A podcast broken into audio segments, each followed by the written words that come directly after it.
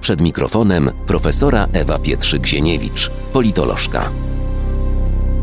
Zamiast krytykować i ganić, bądź chwalić rzecz jasna, warto się czasem pochylić nad niedolą naszych politycznych luminarzy. Wesołe to jest może życie staruszka, jak śpiewano w kabarecie starszych panów, ale polityk, jak się okazuje, często ma prawo przywołać pieśń z kultowego filmu Ewa chce spać. O Panie Boże, spojrzyj na niedolę mą. Spojrzyjmy i współczujmy.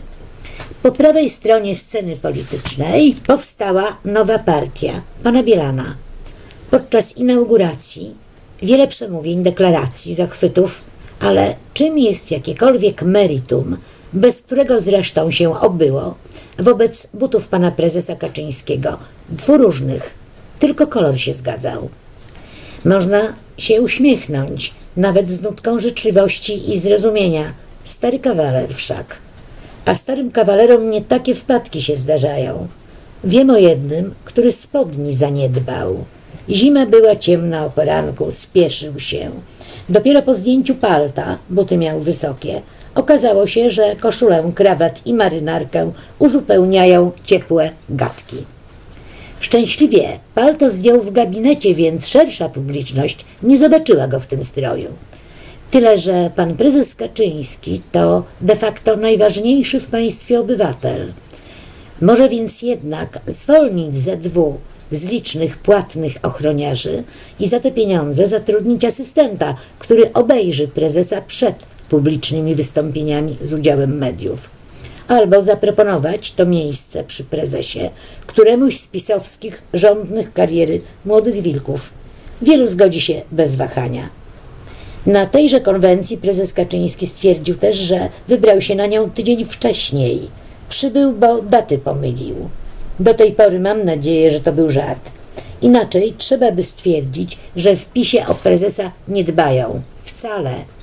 Bądź tak się go boją, że nie reagują na ewidentne gafy. Idą gdzie i kiedy każe, taktycznie nie zauważają usterek w garderobie, nielogiczności czy nadmiaru prezesów, frazesów w wystąpieniach. Bo prezes uwag nie lubi, więc nie ryzykuj. I zawsze jest korekt, co oczywiste. Biedny, osamotniony prezes.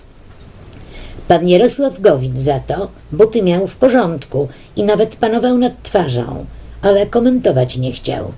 Zresztą co tu komentować? Tu raczej pytać trzeba o przyszłość pana wicepremiera na politycznej ścieżce. W obecnej koalicji niekochany. Kto by go przygarnął? Entuzjazm opozycji topnieje, w miarę jak topnieje ekipa gowinistów w parlamencie. Biedny, zdradzany wicepremier. Pan minister Dworczyk, zwykle elokwentny, zamilkł na okoliczność zawartości prywatnej skrzynki mailowej spenetrowanej przez hakerów. Bo też owo spenetrowanie otworzyło skrzynkę z Pandorą, jak był łaskaw powiedzieć jeden z nich dzisiejszych polityków PSL. Potwierdza, potwierdzając tym samym nie tylko nieznajomość idiomatyki, ale też niefrasobliwość retoryczną, jakże charakterystyczną niestety dla luminarzy politycznej sceny. Jak nie sześciu króli, to powstanie warszawskie datowane na 88 rok, bądź zbrodnia katyńska, o której ktoś dowiedział się z przedwojennych książek. Przykłady można by mnożyć. Ale wracając do skrzynki tej Dworczyka, obok wielu poważnych pytań o stan bezpieczeństwa państwa i profesjonalne przygotowanie rządzących nami polityków, warto zadać jedno – jak to się dzieje, że nasi politycy mają konta na bezpłatnych serwerach, nijak niechronionych? Płacą im za mało?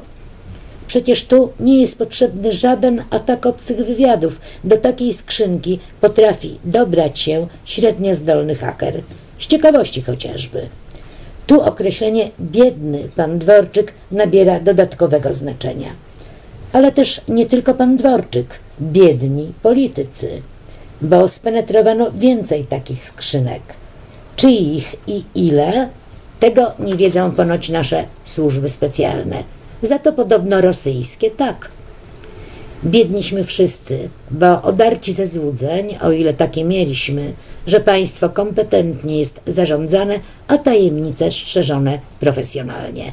Ot niedola. Na www.haloradio ukośnik SOS wspieraj niezależne Halo Radio, które mówi wszystko. www.halo.radio ukośnik SOS Dziękujemy.